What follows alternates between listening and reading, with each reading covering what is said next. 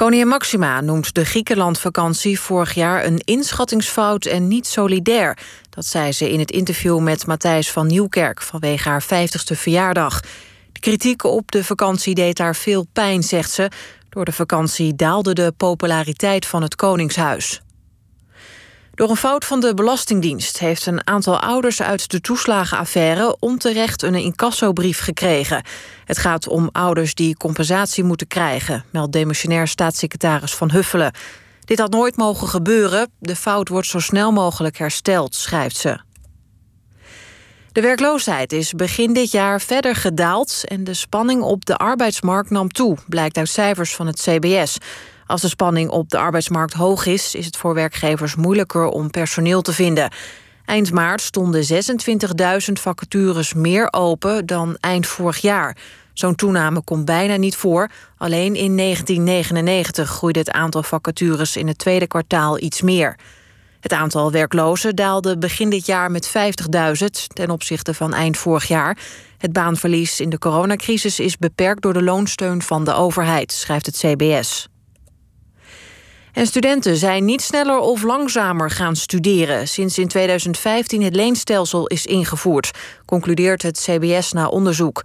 Ook wisselen hbo'ers en wo'ers nog net zo vaak van opleiding als voorheen.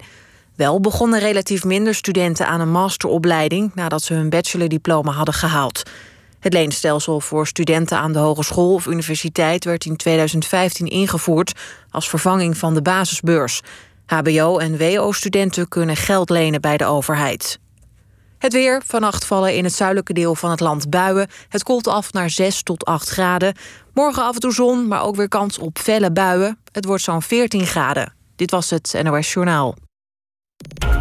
NPO Radio 1. VPRO. Nooit meer slapen.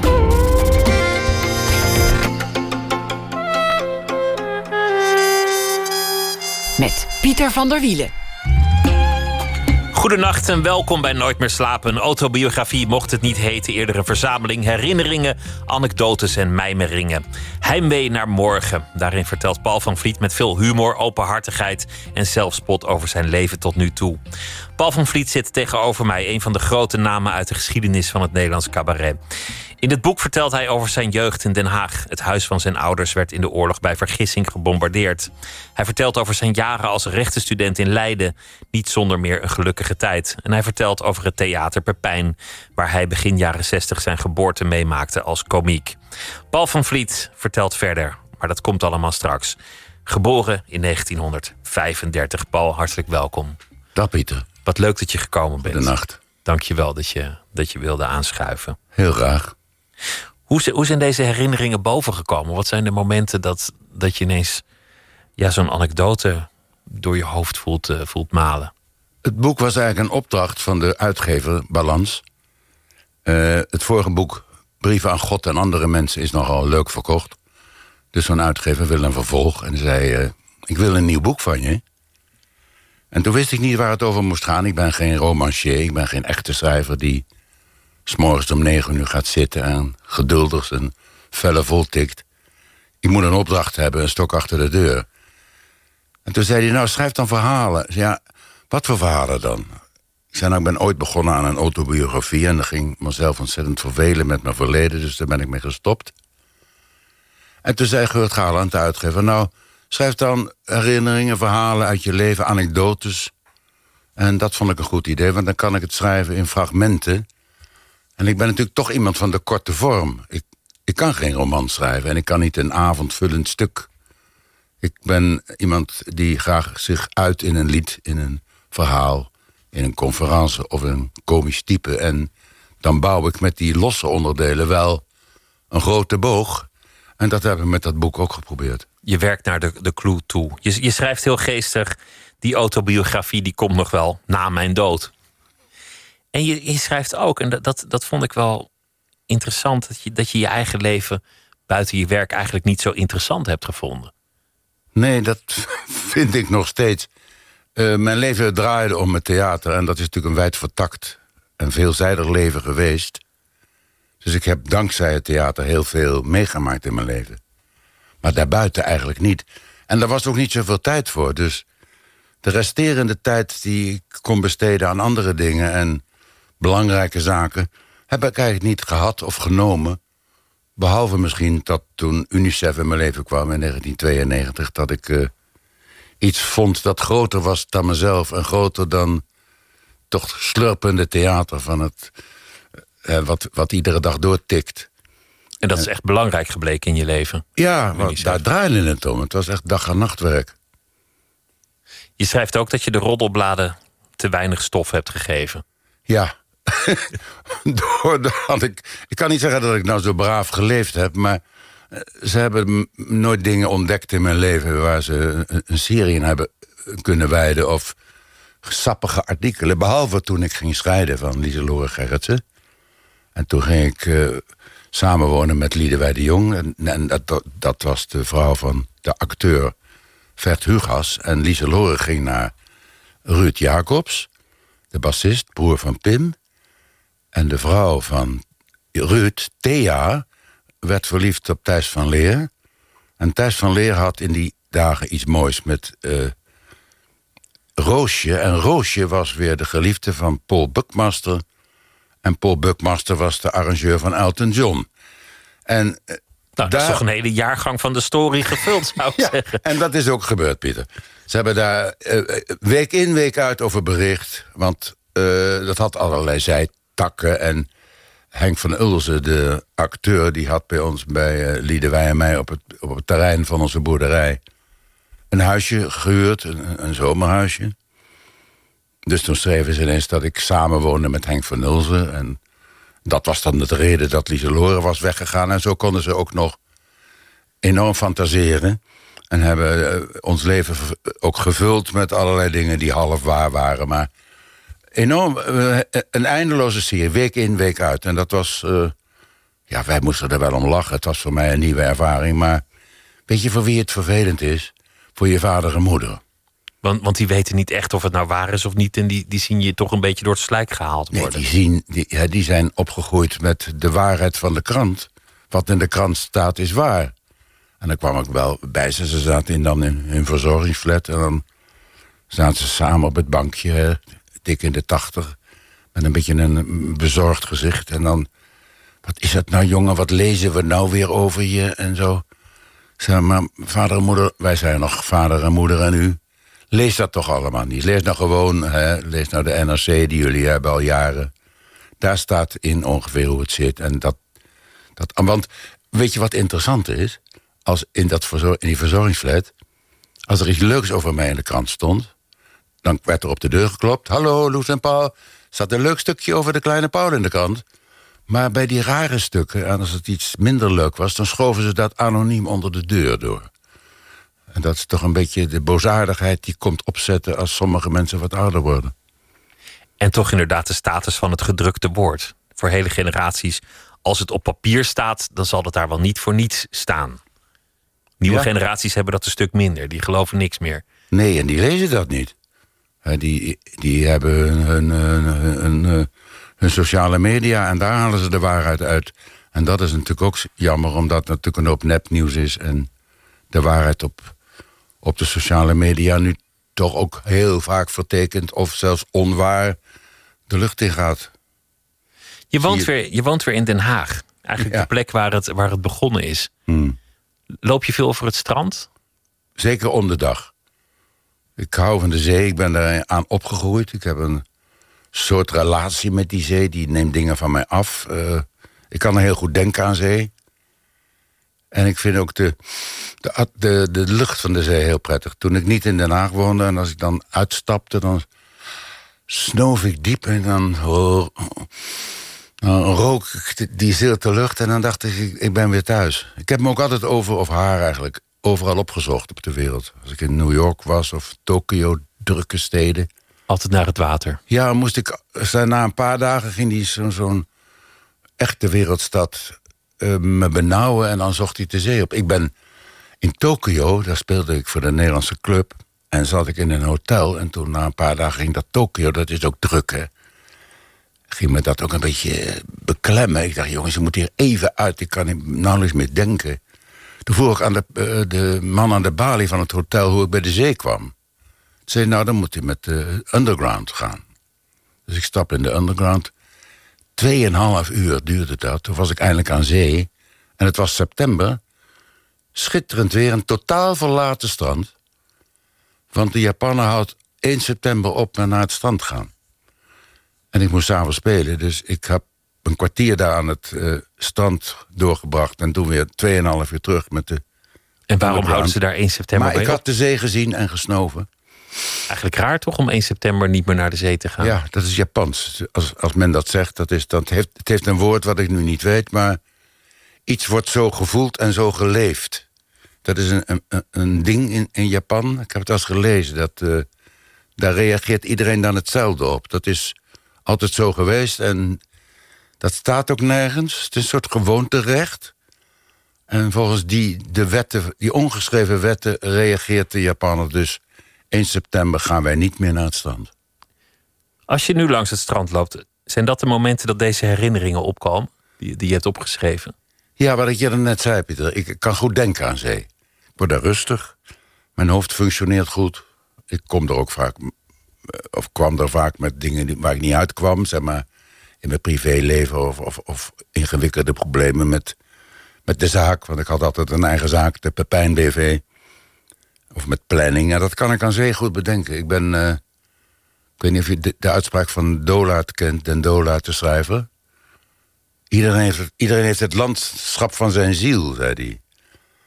Dus ik weet niet wat jouw landschap van de ziel is. Mijne is de zee, maar het kan ook de, kunnen de bossen zijn... of de woestijn of, of de bergen. Voor mijn vrouw Liedewij zijn de bergen. Dat is haar landschap van de ziel. Wat is jouw landschap van de ziel, weet je het? Ik denk dan toch een stad. Ja, dat kan. Ik ben een stadsmens. Ik heb, ik Ja. heb lawaai en smog nodig om te functioneren. Ja. Ik ben ook een stadsjongen. Ik heb heel lang dus buiten de stad gewoond... maar meer om praktische redenen in het centrum van Nederland. hè, in Breukelen. Maar ik zocht de stad altijd weer op. En mm, daar hoor ik ook. Maar een stad met een zee erbij is voor mij ideaal, zoals Den Haag. Als jongetje was je eigenlijk al de komiek. Dat is interessant om te lezen. Dat, dat het er eigenlijk gewoon meteen al in zat. Je schrijft twee dingen over jezelf als kind. De onrust was er al. Ze moesten je in het, in het wiegje al vastgespen. Anders dan, dan zou die onrust zich openbaren. En je was al meteen een komiek zodra je kon, kon praten. Ja, ik heb die behoefte altijd gehad om, eh, om op te treden of, zo je wilt, aandacht te trekken. Dat zeggen mijn zusjes. Ik heb drie oudere zusjes en die zeggen... ja, jij hebt altijd de aandacht thuis. Dat ben ik me niet bewust geweest, maar dat zal wel... ik neem het aan dat dat zo was. Zij hebben het in ieder geval als, als zodanig ervaren... dat ik te veel aandacht trok. Door onder andere op te treden in die huiselijke kring. Ik had een paar creaties... ik heb dat laatst ook bij Op 1 verteld... dat ik als krokus ben begonnen. En, en op een lentetafereel wat we voor, voor mijn moeder op 2 april opvoerden. Een rol, een rol met weinig tekst. Ja, dat waren mijn eerste dramatische woorden. Het is zo fijn, het is zo fijn een krokus in de zon te zijn. En dan was ik verpakt in een paars kreppapier... en opende mij dan onder invloed van mijn oudste zusje Helmi... als prins zonneschijn. Maar dat was een kleine rol. Mijn glansrol was Hitler. Ik kon eh, Hitler nadoen toen ik vier was. Die kende ik van de radio. Van die vreselijke redenvoeringen... waar mijn vader wel toch naar wilde luisteren... om een en andere manier. Mensen waren toch wel gefascineerd door Hitler. Hè? Dat is natuurlijk ook een, een, een magische figuur, zelfs in die tijd. Een charismatische. Charismatische man. En ook die toespraken die hadden een soort dramatische, opzwepende opbouw. En wist ik veel waar het over ging. Maar die klanken van Hitler, die nam ik over. En daar kon ik, net zoals Hitler, kon ik hem imiteren. En dat werd leuk gevonden in de familie. Moesten ze om lachen. En eh, als er bezoek was, dan pardon Hitler nog eens. Maar het tragische was dat ik eh, dus daar niet mee op kon houden. En Ook dat toen is- het gevaarlijk werd. Ja, want Na de bezetting. Nee, nee, het is zo dat eh, als, als, een, als om een kind wordt gelachen, zoals ik, dan eh, ga je dat herhalen als kind. En dan denk je dat is altijd leuk. En dat is een vergissing. Het is ook tragisch voor een kind waarom gelachen wordt, want die begrijpt het niet.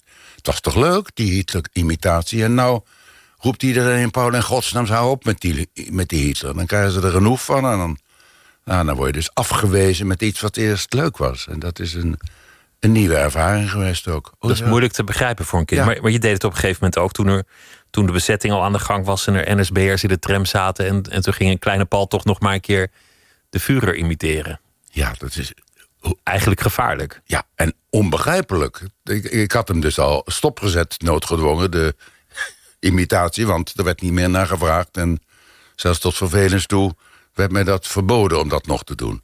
Tot op een dag ik in de tram zat met mijn moeder, hartstikke vol, en ik ineens de onbegrijpelijke behoefte voelde om Hitler na te doen.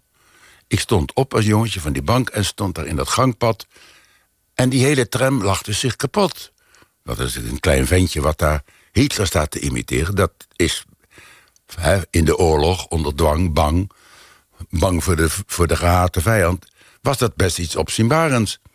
Toen kwamen er twee NSB'ers naar mij toe... en die bedreigden mij met allerlei vreselijks. En toen zijn we ontzettend geschrokken. En mijn moeder heeft dat kunnen sussen op een hele eh, elegante manier. Ze zei... dat eh, Hitler toch zo van kinderen hield. Dat bijzonder was. En dat, en dat vond ik wel erg mooi. En dat een van de sterkste kanten van de Führer toch zijn gevoel voor humor was. En dat heeft de NSB'ers gesust. En toen. Dat konden ze niet ontkennen, ook al weet iedereen dat dat nou bepaald niet waar was. Die man had geen humor Nee. van enigerlei aard. Je, je zei ook, ik, die oorlog, eigenlijk heb ik er genoeg over gezegd, genoeg over, over geschreven. Misschien is er ook wel genoeg over gezegd en genoeg over geschreven. Eigenlijk moet het er maar niet meer over gaan. Ja, behalve de Holocaust vind ik, de, daar, daar kan je niet genoeg over schrijven. Omdat dat natuurlijk een eenmalige gebeurtenis in onze wereldgeschiedenis is. Die moet blijvend herinnerd worden. Eh, ik, heb er zelf ook over geschreven. Ik heb eh, bij de jaarwisseling een, een, een, een liedje gemaakt voor mijn Joodse klasgenoot Jaapie Groen. En ik heb in het brievenboek ook aan hem een brief geschreven. En, dat is, eh, en ik heb in dat boek ook geschreven over mijn eh, verblijf in, de, in Friesland, in de hongerwinter. En toen zat ik dit boek te schrijven. Ik dacht, ja, het is natuurlijk logisch als ik die eerste jaren van mijn leven beschrijf, dat ik toch ook de oorlog erin beschrijf. Want ik ben een oorlogskind en dat heeft. Grote gebeurtenis, het Ja. huis plat gebombardeerd, Ja, om maar eens wat te noemen. Alle spullen kapot. ja dus ik. eh, maar ik heb toen gekozen voor. ik laat die oorlog nou maar rusten. En zeker na het vorige jaar, toen we het 75 jaar bestaan van de vrede hebben gevierd, dacht ik. Die lawine van wat er nu nog loskomt weer van literatuur en documentaires en films en herinneringen. Laten we het vooral doen, maar ik doe het niet meer. Ik, heb, eh, ik wil niet meer over de oorlog schrijven eigenlijk. Ik wil wel herdenken, heel graag. En ik draag het mee als iets eh, wat echt een deel en een heel belangrijk deel van mijn leven is geweest. Die vijf jaar die ik heel bewust heb meegemaakt. Maar ik, schrijf er niet meer over. Wat ik zo interessant vond om te lezen is, is dat je als jonge man best wel veel twijfel had en, en onzekerheden. Dat je rechten studeert omdat het een degelijke keuze is. Eerst geschiedenis. Dat, dat je niet echt uit de verf komt als student. Dat, dat je wel hard werkt soms en, en gemotiveerd bent. Maar dat er ergens iets anders lonkt. Maar, maar je durfde heel lang nog die knoop niet door te hakken. En gewoon dat te doen wat je het liefste deed, namelijk theater maken het, het leest alsof het niet echt een gelukkige tijd was, je studententijd. Ik heb daar gemengde gevoelens over. Eh, ik ben lid geworden van Minerva, van het eh, studentenkoor. En dat was in die tijd nog behoorlijk elitair, rechts. En toch ook onverdraagzaam en dwingend. Want je moest je aanpassen aan de regels. De mores van het koor, anders telde je niet mee. Ik weet niet of dat nu beter is, maar dat, dat terzijde. Ik heb daar ook geen inzicht in. Ik kom er nog een enkele keer wel eens... en dan lijkt er ook waarschijnlijk niet zoveel veranderd... behalve dat het nu gemengd is. Maar er wordt nog gebrald en geschreeuwd en, en eh, met bier gesmeten. En dat is in ieder geval niet veranderd. En de verhalen die ook loskomen, ook uit, hè, van Vindicat... er zijn gelukkig in Leiden geen schandalen meer geweest... de laatste 30, 40 jaar. Maar zo'n Groninger studenten, of, studentenkoor is nog behoorlijk in het nieuws... door eh, antieke vergrijpen, zeg maar, aan de menselijkheid. Meteen in het begin al dacht ik, ja, hoor ik hier eigenlijk wel bij? Ik heb me wel aangepast in het begin. Ik heb meegedaan, ik heb meegebrald en ik heb mee... eh, ik ben op plekken geweest waar ik beter niet had kunnen zijn. En ik, ik heb eh, nachten doorgebracht in bedden waar ik ook niet kon blijven. En ik heb dingen nagejaagd waarvan ik dacht later... wat een onzin. Dus ik heb gemengde gevoelens over de dictatuur van het koor... en de mentaliteit omdat er weinig aandacht was ook voor de maatschappij en voor wat er gebeurde. Buiten de, de muren van Minerva en zelfs buiten de stadsmuren van Leiden. En als ik nu eh, zou zijn, gaan studeren, zou ik nooit meer lid worden van het Leids Studentenkoor.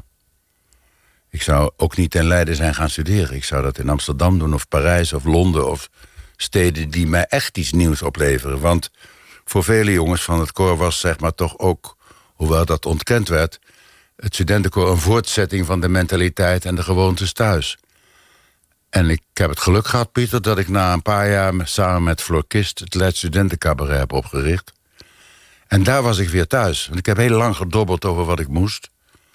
En toen ik in het Studentencabaret zat, want ik heb altijd wel opgetreden op school en thuis, zoals verteld, en in dienst ook. Ik ben het altijd blijven doen. Met, en, en toen in dat Leids Studentencabaret dacht ik, ja, dit is het. En had ik kunnen stoppen, maar toen hebben toch een aantal aardige, leuke mensen... zoals professor Huip Trion van de Pil... dat, dat je als je 75 bent, hey, Ja, ja, ik, als je je leven voltooid is... daar zelf een, een eind aan mag maken. Dat was een van mijn professoren. Een hele leuke, artistieke man die mij ook aardig vond. En die vond dat ook interessant en vond dat wel grappig. Zo'n jongen die ook nog een studentencabaret heeft... en bijzondere man was dat. Bijzondere man, ja. Hield ook enorm van opera, was belezen. Ongelooflijk slim. En, dat mag ik misschien eh, deze nacht nog wel eens vermelden... hij was een van de allereerste die in de gaten had dat het niet deugde met de Duitsers. In 1940 is hij samen met zijn broer Jan... Jan Drion al in het verzet gegaan en hadden al een, een organisatie. En in 1940 was dat zeer uitzonderlijk, hoor. Dat, dat mensen toen al zeg maar, de goede en gevaarlijke kans kozen om de vijand te lijf te gaan. Maar in het studentencabaret heb ik ontdekt, ja joh, dan kan je wel van alles roepen en, en, en zoeken, maar het- je oudste liefde van toen je drie was als krokus en nu wordt hier op dit toneel bevestigd. Hier, hier wil jij zijn. Daar wil je zijn op het podium. En dat is gebeurd. Heeft, heeft, dat, heeft dat lijden nog iets blijvends bij je teweeg gebracht? Is, is er iets in je mentaliteit gebleven dat, dat je nu nog zou herkennen uit die Leidse jaren? Want je schrijft ook wel over de prestatiedruk en, en Ja. dat je alles goed moet doen en dat er altijd een soort gevoel van strijd was. Ja, dat was natuurlijk de, prestatie stond in hoog aanzien. Het hoogste compliment was niet een leuke jongen, maar een slimme vent. Ja, slimme vent, ja. En dan was dat eigenlijk al oké. En dan werd er niet gevraagd eigenlijk of die man ook nog leuk was. Of als hij maar scherp was en spits. Scherp spits. Spits was ook, stond, het woord spits was ook een woord wat in de taal eh, een, een belangrijke rol speelde. Spitsenjongen. Ja. En ehm, wat ik ervan over heb gehouden is dat ik het wel goed vind dat ik in eh, eh, eh, een tijd in een andere wereld heb geleefd. Daardoor ook heel ander soort mensen en kringen heb leren kennen. Die als je meteen in het theater duikt waarschijnlijk niet meer ervaart. Omdat het theater natuurlijk ook een gesloten en eh, eh, toch ook wat ja, specifieke wereld is. Die niet ook erg vaak naar buiten kijkt. Zeker in onze tijd niet. Nu hebben we het geëngageerde en politieke toneel. Maar dat is toch nog in de minderheid. Wat ik dan van Leiden heb overgehouden is toch eh, het ontzag voor het recht. Ik, ik heb dus drie jaar helemaal niet gestudeerd. Geen boek gelezen, geen collegezaal gezien. Dat kon nog. Gewoon, Niemand- gewoon zo'n zo'n typische eeuwige student. Wel Ja. ingeschreven, maar daar houdt het ook mee ja. op. En niemand die er wat van zei. Geen, geen professor die zei... Hé hey, Van Vliet, waar blijf je? Of eh, ga eens wat doen. Dat, Ik, dat, ik heb ze meegemaakt die dan al tegen de 60 liepen en dat nog steeds waren. ja, Later ja, de, werd er korte metten meegemaakt, maar Ja, ja, de dat, eeuwige dat was student- vroeger zo. zo, de eeuwig student liep in mijn tijd ook nog over, over het Rabenburg. Mannen die daar tot hun veertigste bleven hangen. God weet hoe ze het betaalden, maar waarschijnlijk rijke ouders. Die, of, ook een jongen, die was niet verder gekomen dan het, het, het kandidaatsexamen van het recht. Wat je normaal na anderhalf jaar doet. En die was intussen 35, geloof ik. En ik heb zijn ouders wel eens gesproken. En toen, uh, toen vroegen ze aan mij, uh, hoe is het met Henk? Ik zei, nou, gaat goed. Ja, we hebben die indruk ook. hij werkt nu voor het examen. En het examen was in die familie een soort heilig begrip. Laat Henk maar, want hij werkt voor het examen. Niemand wist welk examen, en hij zelf ook niet. Nou, hij wist duurde en de jaren die geleden. Ja, maar dat, dat kon in die tijd nog. Maar wat ik geleerd heb is respect voor het recht. En dat is later belangrijk gebleken. Nou, ook, op een gegeven moment ben ik echt gaan studeren. Toen was het uh, studentencabaret was afgelopen. En uh, de andere jongens gingen ook uh, door. We moesten gewoon een keer afstuderen. Dat zei ook iedereen, joh, wat doe je hier nog? En, en toen ben ik echt gaan studeren. Dat is voor het eerst van mijn leven dat ik op Travensteen... het juridisch studiecentrum, heb opgesloten. Kantooruren maakte. Van negen tot half één en van half twee tot vijf. En toen, toen race ik door die studie heen en zag ineens de verbanden... en hoe ingrijpend het recht is in alles wat we doen. En dat heb ik toen heel erg leuk gevonden. En ik heb ook daar toch ook uh, wel een soort, soort manier van denken en formuleren aan geleerd. Om precies te zijn. maar, maar het grote moment in je leven is eigenlijk, denk ik, het keerpunt Theater Pepijn geweest. Je noemde het al even, omdat je zei: Ik ben mijn hele leven ook ondernemer geweest. Wat, wat was dat voor moment dat je, dat je daar, wat je zelf noemt, je wedergeboorte hebt meegemaakt? Ja, ik geloof dat ik in het boek zeg: daar ben ik voor de tweede keer geboren. En dat voelde ook zo. Ik heb natuurlijk dat, eigenlijk altijd gewild. Niet in combinatie met een theatertje, dat heb ik pas later bedacht. Maar het spelen, het, het, beroep, het schrijven, uh, mensen laten lachen, zingen, uh, waarnemen. Uh, de wereld om je heen verwerken in iets. Je wil daar iets mee doen. Je noteert eigenlijk altijd iets, zit daar iets in. heb, ik, heb ik er wat aan? Het is ook een soort hebberigheid op alles van de samenleving. Kan ik hier iets mee? Kan ik hier iets mee? En dat wordt een tweede natuur. Een leuke tweede natuur, want je verveelt je nooit, nergens, ooit. En je kan er iets mee doen. En als je geluk hebt, dat, dat wat je daaruit uithaalt uit die samenleving... wat je beschrijft in je liedjes en je komische nummers en zo... Dan, als dat gedeeld wordt door een publiek... dat is een moment van, van geluk. Dan, dan is, het, is de cirkel rond en dan denk je, ja, hier doe ik het voor... En dat heb ik eigenlijk altijd gewild. En dat werd toen, 18 december 1964, dat theatertje openging. Toen dacht ik echt, het is niet waar, joh. Ik ben nu uh, halverwege de twintig. Ik heb, vanaf dat ik kon denken, heb ik eigenlijk op dat toneel willen staan. En nu heb ik hier een eigen theatertje, een eigen podium. Het is allemaal van ons. We hebben het zelf betaald. Ik heb er 64.000 gulden voor geleend. Tot ontzetting van mijn vader en moeder die nooit geld hadden geleend. Toen opende burgemeester Kolschot. Die zou de opening doen, maar die moest uh, bij de brand zijn van het gebouw van KMW. Dat ken jij niet meer, maar dat was uh, het grote theater van Den Haag. Waar de revue speelde van Snip en Snap, het residentieorkest speelde. Dat brandde tot de grond toe af. En dus uh, Koolschoten was er niet, maar ik kwam aan het eind van onze eerste voorstelling... nog nat bestoven van de brand sprong hij het kleine toneel op en zei... La grande reine est morte, vive le petit prince. En de kleine prins, dat uh, was mijn kind. En Pepijn, het, Pepijn. het theatertje. En ja. de kleine prins is voorspoedig opgegroeid. Want uh, zeg maar, iedereen van enige naam, we hebben het al over gehad... voor de uitzending daar straks, over Jochem Meijer, Joep van Hek. Ze zijn allemaal daar begonnen.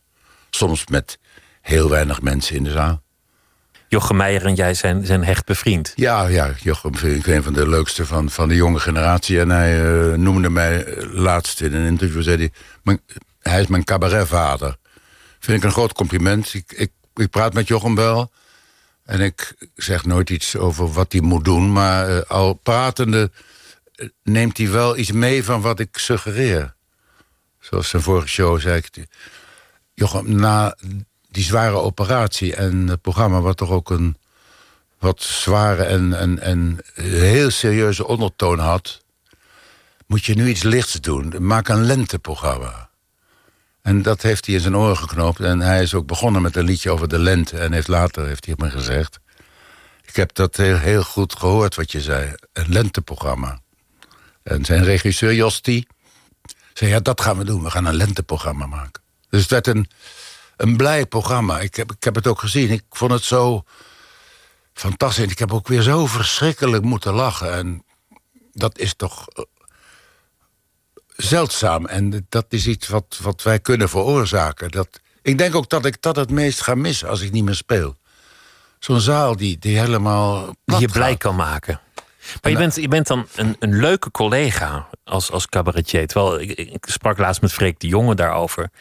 En toen zei Freek van ja, eigenlijk was ik nooit zo'n leuke collega. Ik voelde me vaak een beetje bedreigd. Ik had een mening over jongere generaties. Ik zei wel eens nare dingen over collega's in de krant.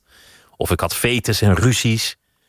En toen vroeg ik van Freek, waarom was dat eigenlijk? Waarom was dat nou? En dan zei hij achteraf, ja, ik zou willen dat ik dat anders had gedaan. Maar, maar jij bent eigenlijk volgens mij altijd een heel fijne collega geweest voor, voor andere komieken. Dat merk ik nu, nu ik uh, dus 85 ben. Uh, oogstik wat ik uh, in die jongens heb geïnvesteerd aan aandacht. En ze vinden me ja, een, een leuke oude collega. En dat vind ik heel prettig om mee te maken. Ik, heb die, ik ken geen jaloezie in mijn vak. Wat ik heel akelig vind, als, is als mensen iets slechts doen. Wat, en dan denk ik, dit doe ik ook. Dus ze, ze beoefenen mijn beroep, maar dan slecht of oneerlijk of uh, foute grappen. Die, en, dan denk jij, dit doe ik ook? Ze trappen op mijn hart. Zeg, jongens, dat moet je niet doen. Dit zijn slechte grappen. Die komen nergens vandaan. Die doe je alleen omdat er gelachen wordt.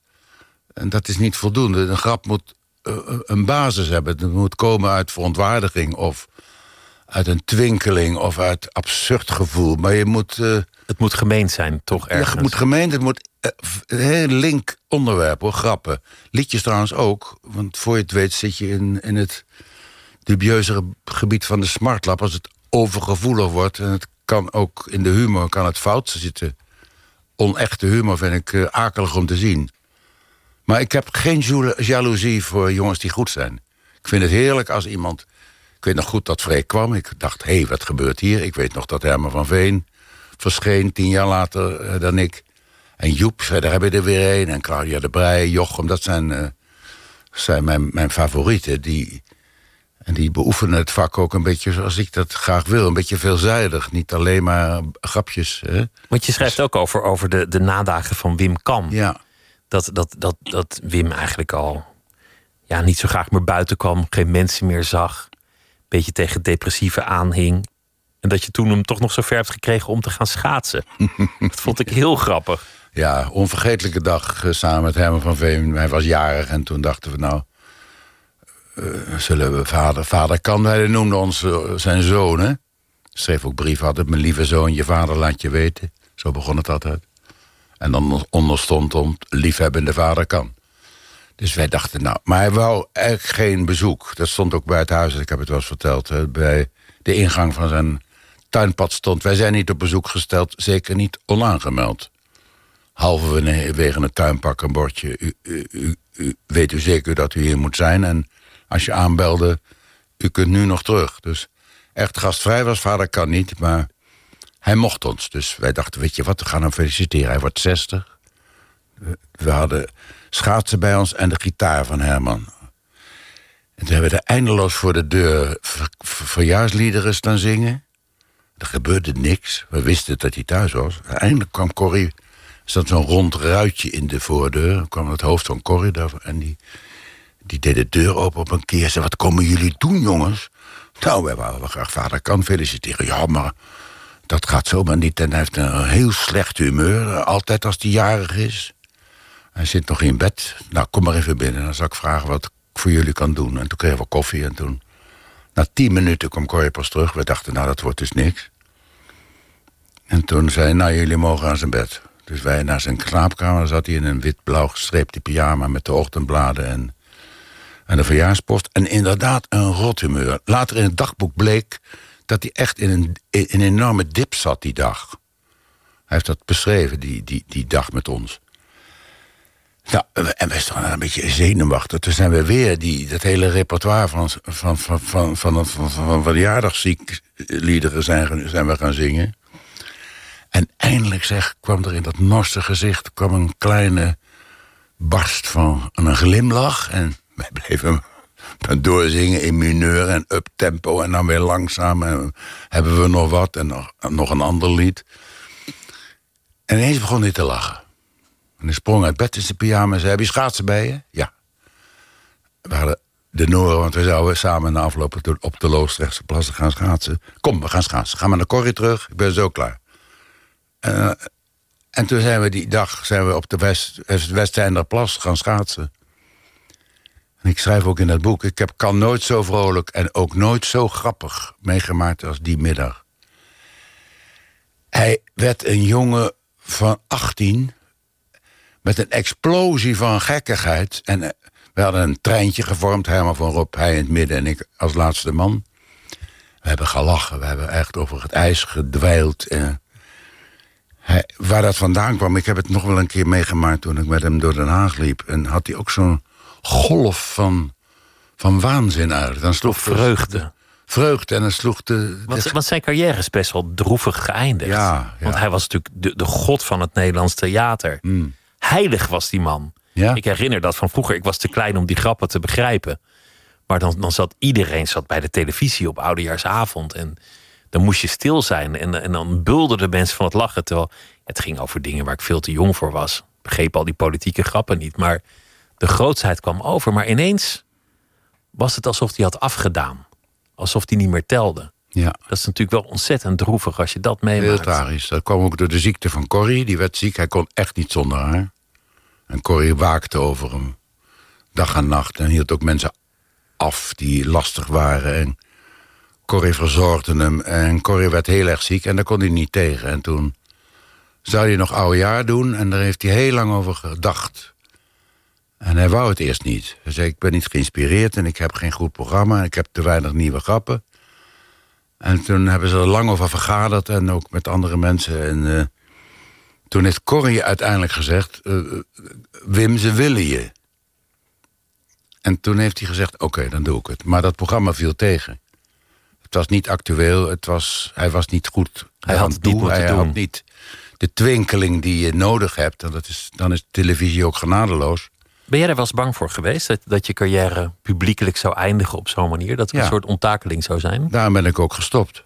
Op mijn 83ste. En heel veel mensen zeggen, waarom stop je? Want ik ben nog fit en mijn stem is gelukkig nog goed. Want dat is ook vaak een reden om te stoppen. En zoals Marijn, mijn manager, zegt... je had nog jarenlang in die Haagse Schouwburg door kunnen gaan. Voor een volle zaal. Dat had ook gekund, maar ik dacht... ook geleerd hebbende van Vader Kan... en ook wel ook van Toon Hermans... die ook één programma te lang is doorgegaan. Ik heb het internationaal gezien bij Frank Sinatra... die geen teksten meer kon onthouden... en zijn zoon die voor het orkest stond... vier keer per avond voorstelde. Ik heb Charles Trenet gezien in zijn nadagen, eh, Franse zanger. Die stond op, toen hij 82 was ingesnoerd te zingen van Mon cœur qui fait boem boem boem... als een jonge vent van 23. En pijnlijk. Ik heb Asnavour gezien eh, op zijn negentigste. Ik vond het akelig om, om, om te zien dat, dat het zoveel minder was geworden dan het ooit was. Want Asnavour was een held voor mij.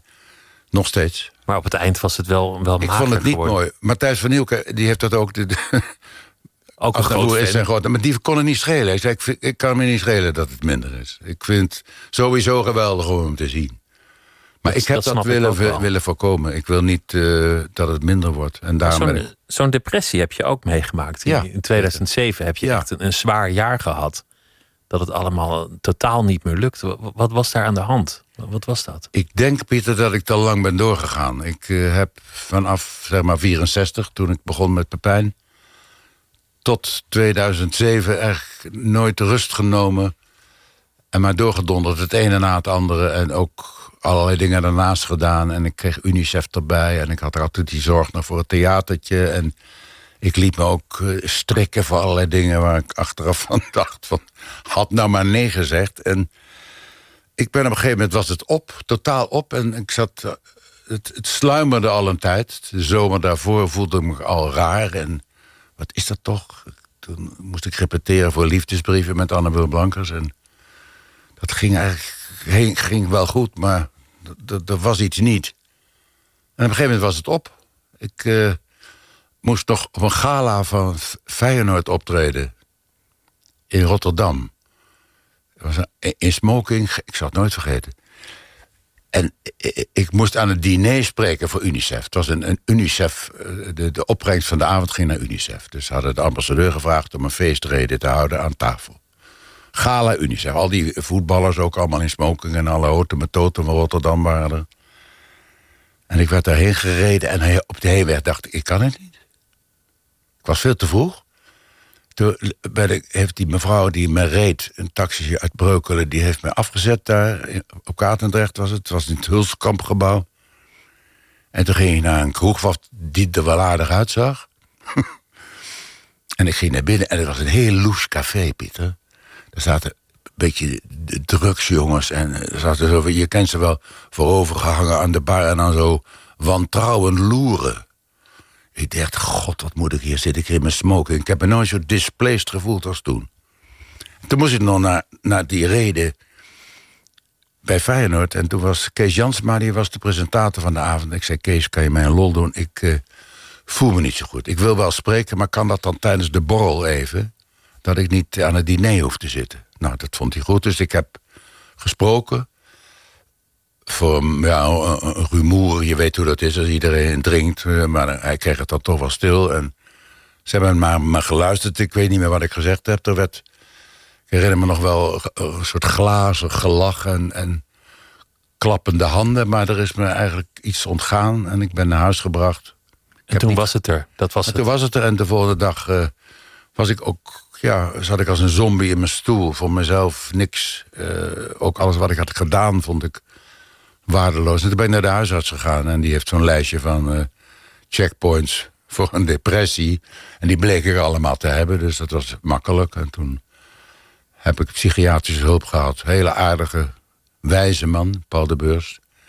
En die heeft me erg geholpen, samen met pillen. En zo ben ik er doorheen gekomen en heb ik me teruggevonden. En kon ik weer gaan spelen. Ik weet uh, nog heel goed dat ik weer terug was in het theater. Wat een enorme vreugde me dat gaf dat het weer lukte. Met, wat dat was met de Anne Wil. Want er zijn, er zijn ook wel momenten van twijfel in je boek. Ja. Je schrijft heel geestig over een, een cabaretier die, die eigenlijk zijn ziel verloren is. En, en toch nog de grappen maakt. En uh, eigenlijk de aandacht als belangrijkste motivatie heeft gehouden. En misschien ook wel het, het geld. Zijn witte Jaguar haal je aan. Maar, maar soms lees ik ook wel twijfel van... heb ik niet te veel voor mezelf geleefd? Ja. Was dat werk niet te belangrijk? Had ik eigenlijk niet andere doelen moeten stellen? Ja, dat is een, een, een bijna onontkoombaar dilemma... wat gelukkig als troost mijn collega's ook hebben. Hoe verdeel je je passie, die groot is, voor dat theater... en dat opeisende leven... hoe deel je dat met de andere wereld? De wereld van je familie en je vrienden? Uh, ik heb die lange tijd verwaarloosd... omdat ik uit een soort, ja, jeugdige egocentrie... waar je toch voor mijn gevoel ook wel recht op hebt... want anders gebeurt er niks... Maar je slaat wel dingen over in je leven. Hè? Ik heb uh, vriendschappen daardoor niet kunnen verdiepen. En uh, misschien ook... Uh, mijn eerste huwelijk met Lieselore is daardoor ook gestrand. Omdat we allebei te veel opgingen in ons eigen vak. Te veel met onszelf bezig waren. En ook zelf geen kinderen gekregen. Geen kinderen. En toen ik voor de tweede keer trouwde met Liedewij... toen was het op een gegeven moment te laat. En dat, dat heb ik ook overgeslagen. Er zijn dus periode in mijn leven dat ik zo voor dat vak heb geleefd. En ik heb er waanzinnig van genoten. Dat, dat moet iedereen die ook vannacht luistert goed begrijpen. Ik, ik heb er eigenlijk geen spijt van. Want ik vraag me wel eens af, hoe had het anders gekund? En als ik dat aan Emma vraag, of aan Freek, of aan, aan Joep, of aan, aan Jochem... Die, die weten dat ook niet precies, hoe dat anders moet. En het is niet alleen bij, bij optreders. We hebben het misschien in versterkte mate... omdat we ons ook nog persoonlijk op zo'n podium verheffen... en daar licht op zetten van kijk, kijk mij eens wat ik kan. Maar een, een echt, ik kom uit een familie van beeldende kunstenaars... echt bezeten schilders hebben dat ook. Die leven in hun atelier. En leven in de beelden die ze willen maken. En houden niet zoveel ruimte meer over voor, voor, voor ja, je mag zeggen, het, het gewone leven. En dat heb ik pas later ontdekt. Ook die andere wereld die er is... en waar je je creativiteit ook heel erg goed in kwijt kunt. Dat is dus het leven wat ik nu leid, al de laatste jaren. En al daarvoor heb ik, uh, ben ik veel minder gaan spelen. In Den Haag alleen op zondag. Zes jaar lang. prachtig slot van mijn carrière trouwens. Maar dan had ik veel meer tijd voor mijn familie, voor mijn vrouw, voor mijn uh, andere geliefden. En, en, en dat is ook creativiteit. Ja, dat, nou, dat heb ik gemerkt. Dat je daar net zoveel creativiteit in kwijt kunt, bijna als in het schrijven en het spelen. Als ik. Uh, wij zitten hier vannacht samen te praten. Als ik hangerig binnenkom en, en, jij hebt er ook geen zin in, dan krijgen wij een gesprek van niks. Er moet iets, er moet iets, iets gebeuren toch vannacht. Iets, er moet iets groeien. Ik moet dingen graag aan jou vertellen. En ik voel aan jou dat je wezenlijk geïnteresseerd bent. En dat is de creativiteit die wij vanavond en vannacht in dit, in dit gesprek stoppen. Maar dat is ook als je, als je kookt. Of als je, en liefde heeft ook creativiteit nodig. En, en verfrissing. En vriendschap ook. En, en op reis moet je ook creatief zijn. Want anders beleef je ook niks. Het Creativiteit is eigenlijk een essentie in, in heel veel vlakken van het Laat bestaan. vroeg iemand, wat is het belangrijkste in je leven? Uh, uh, en toen zei ik creativiteit. Ik moest lang denken hoor. Ik dacht, god, we hebben zoveel. We hebben liefde, we hebben energie, moed, uh, vertrouwen. Je kan een heel lijstje maken van belangrijke, essentiële dingen in je leven. Maar toen kwam ik uiteindelijk toch op creativiteit. Omdat dat in alles bepaalt wat er met jou en met de anderen gebeurt. UNICEF is denk ik ook belangrijk geweest. Als je de vrees had, heb ik niet te veel voor mezelf geleefd. Dan, dan heeft dat ambassadeurschap heel veel veranderd. Ja, dat ging eigenlijk gelijk op met uh, de ontdekking hiervan. Dat toch nog een andere wereld was en dat uh, ik waarschijnlijk tot dat moment iets te veel voor mezelf en voor het vak had geleefd. Ik ben een nier kwijtgeraakt. En toen lag ik in het ziekenhuis en in, in het UMC. En dat zag er nogal somber uit. En toen kwam het ook een beetje sensationeel in de pers. Je weet hoe dat dan gaat. De roddelbladen trouwens. Die hebben zich daar ook op gestort. En de Telegraaf had een pagina. Uh, somber vooruitzicht voor Paul van Vliet. En nou, iedereen ging daarin meeleven. En ik kreeg een lawine aan post en bloemstukken. Want mensen dachten dat je eigenlijk al nagenoeg ja. dood was. Ja, bijna wel. En toen... Maar de mensen schreven mij zulke aardige dingen. En, en, en mooie dingen. En dingen wat ik voor hun had betekend in hun leven. Ik dacht, ik mag hier wel eens wat zuiniger mee omspringen, joh. Je, je slikt, hebt dat al de jaren maar als zoete koek geslikt. En je vindt dat normaal, of je hebt daar niet... Je bent je daar niet van bewust geweest. En toen ging dat samen met ook uh, de tijd dat ik gevraagd werd voor UNICEF... door Audrey Hepburn. Die had tegen UNICEF gezegd, je moet Paul Vliet vragen... want ik kende haar goed en uh, die vond mij daar wel voor geschikt. En dat heeft ook op dat moment mijn leven verrijkt en verruimd. Zowel dus door privé meer uh, aandacht te besteden aan iets anders dan alleen mijn beroep. En ik heb iets gevonden wat groter is dan mezelf.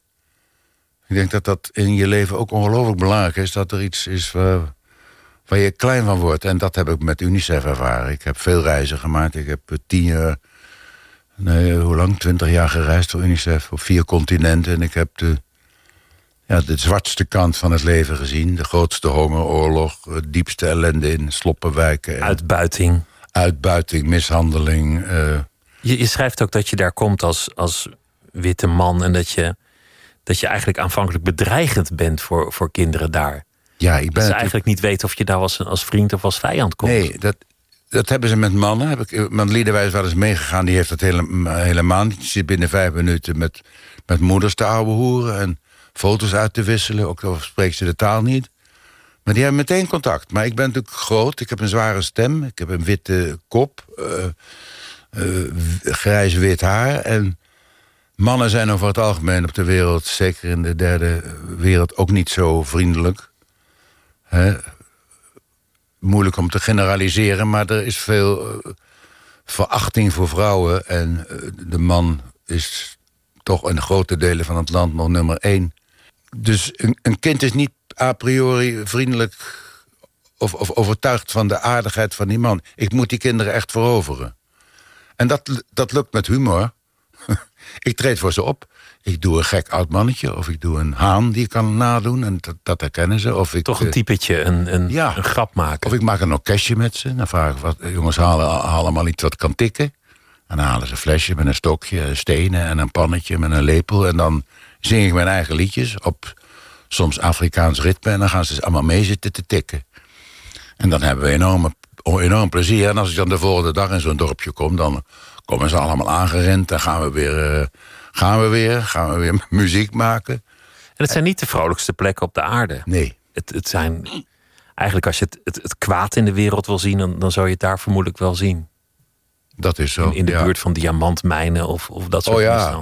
Ja, eh, een van de zwartste plekken waar ik geweest ben... waren de goudmijnen in Burkina Faso. Ik, het leek me een concentratiekamp. En ik heb kinderen altijd aan het lachen kunnen krijgen... en ik heb altijd kinderen zien lachen, behalve daar. En, eh, we maakten daar een reportage over... en toen, na twee dagen, dacht ik, wat is hier toch? Ik heb geen enkel kind zien lachen.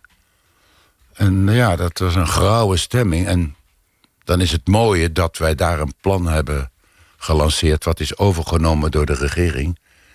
Dat die jonge kinderen onderwijs moeten hebben. Dat er iets moet zijn voor jonge moeders. Dat er na de school die we hadden gesticht... een vakopleiding moet komen. En dat is een groot project geworden. En eh, dat heeft de regering van Burkina Faso overgenomen en gefinancierd. En als je dan eh, dat hoort, later, jaren later... dan denk je, dat is, daar doen we het voor. Maar op het moment zelf vond ik het... eh, ik, nou, er werd af en toe gefilmd. Ik zei ook tegen die camera, jongens, jongens, even wachten. Ik moet, ik moet even bijkomen, hoor. Ik kan nou niet iets, iets, iets zinnigs zeggen. Ik moet, ik, het is Toch, toch, aangrijpend. Als toch al een bent. moeilijk vak voor mij. Die stand, hoe heet het? De stand, nee, eh, Stand-ups. Stand-ups, ja. ja. Het is niet mijn sterkste kant. Dus dan moet ik toch altijd eh, ik moet het even voorbereiden. Ik doe dat niet zomaar eh, geïmproviseerd uit de losse pols... zoals sommige van jou en, en- en m- mijn collega's die dat kunnen. Maar dan moest ik echt stoppen. Gewoon eh, even een half uurtje bijkomen en eh, even, even alleen. Om, om daarna iets zinnigs te kunnen zeggen. Om er toch nog wat van te maken. Ja. Maar Wat- wat, wat, wat helpt, Pieter, is dat, eh, behalve daar dan weer... dat de kinderen enorm in je geloven. Als ze begrijpen wie je bent, wat je komt doen... wat dan die oudere mensen aan die kinderen moeten uitleggen. Dit is de man van UNICEF en die komt ons helpen... en die gaat voor jullie zorgen en die zorgt dat jullie worden ingeënt... en die zorgt voor schooltjes en, en zorgt dat je een dak boven je hoofd hebt... dan begrijpen ze wel wat je komt doen. En dan kantelt de aandacht van de kinderen... en ja, dan wordt het ook heel, heel erg mooi. En, en, en kom ik ook vaak blij en, en, en vervuld terug. En dan is het schakelen naar het verwende Nederland soms heel moeilijk. Dat kan ik me voorstellen. Wat, wat, wat zijn eigenlijk de dingen die je nog voor de boeg hebt? Wat zijn de dingen die je nog, nog wilt? De plannen die nog op de rol staan en de, Ja, de, de volgende projecten? dat weet ik niet zo goed, Pieter. Ik, ik, ik, ik, ik ben 85, ik heb 60 jaar gespeeld en geschreven en gereisd. En, en echt gespeeld ook. Eh, ik heb wel gezegd, mijn vrienden en mijn familie hebben mij buiten laten spelen. En daar ben ik ze dankbaar voor dat ze mij die kans hebben gegeven.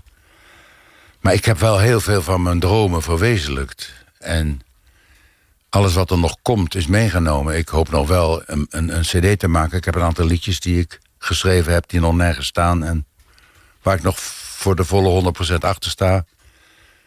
Ik zal nog wel eens wat schrijven, eh, een artikel. Ik denk niet dat ik nog een boek zal maken, dat weet ik niet. En verder eh, maak ik geen eh, grote plannen meer. Ik hoef niet meer heel erg ver op reis. Ik zoek het nu dichterbij. En eh, voor het eerst van mijn leven heb ik tegen, zei tegen Liedeweg... wat gek eigenlijk. Vroeger maakte ik vijfjarenplannen.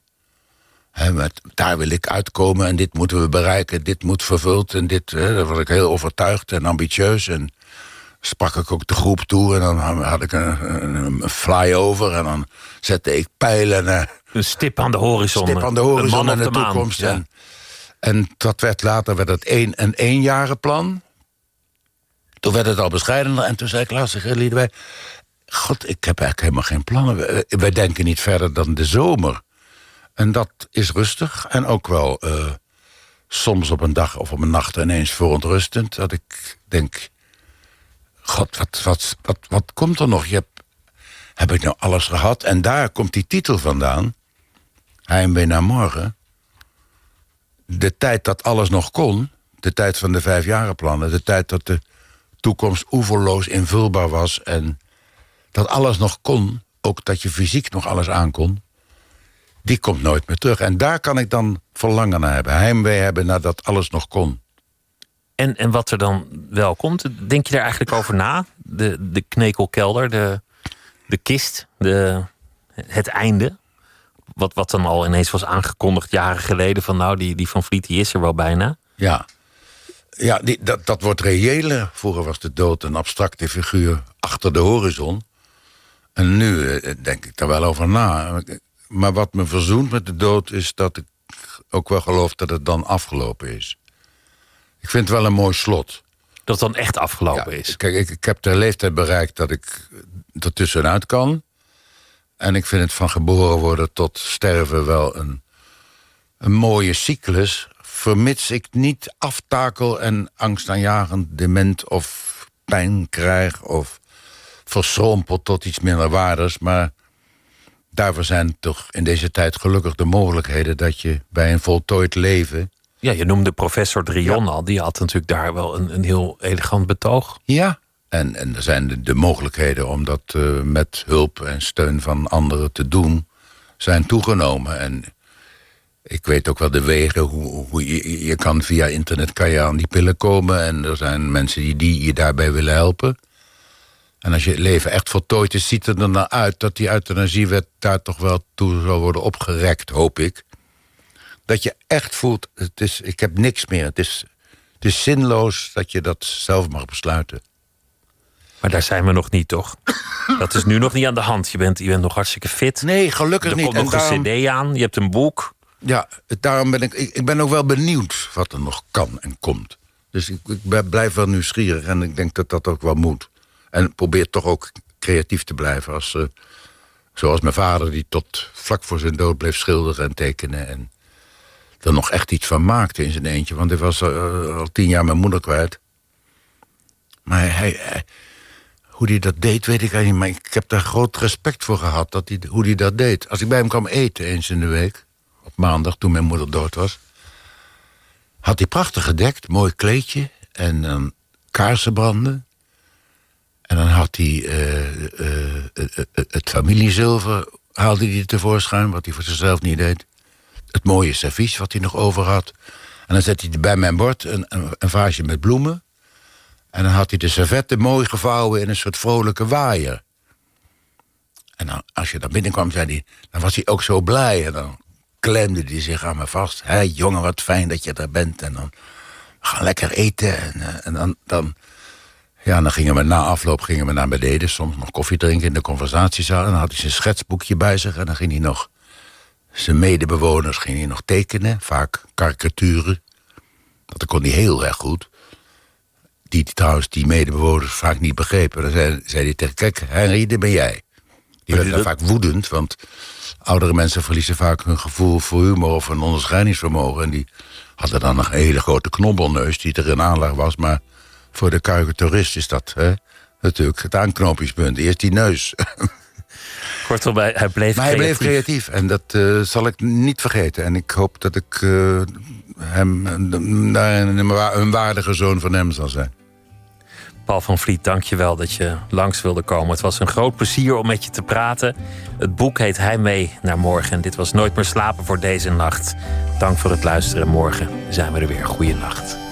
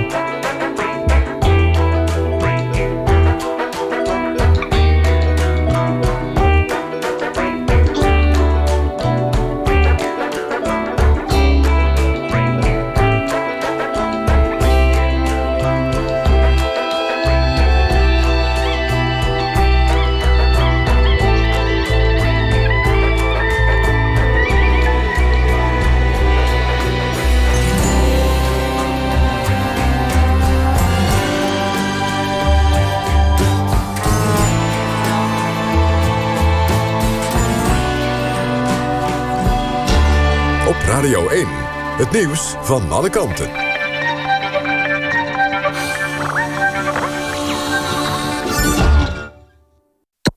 NPO Radio 1.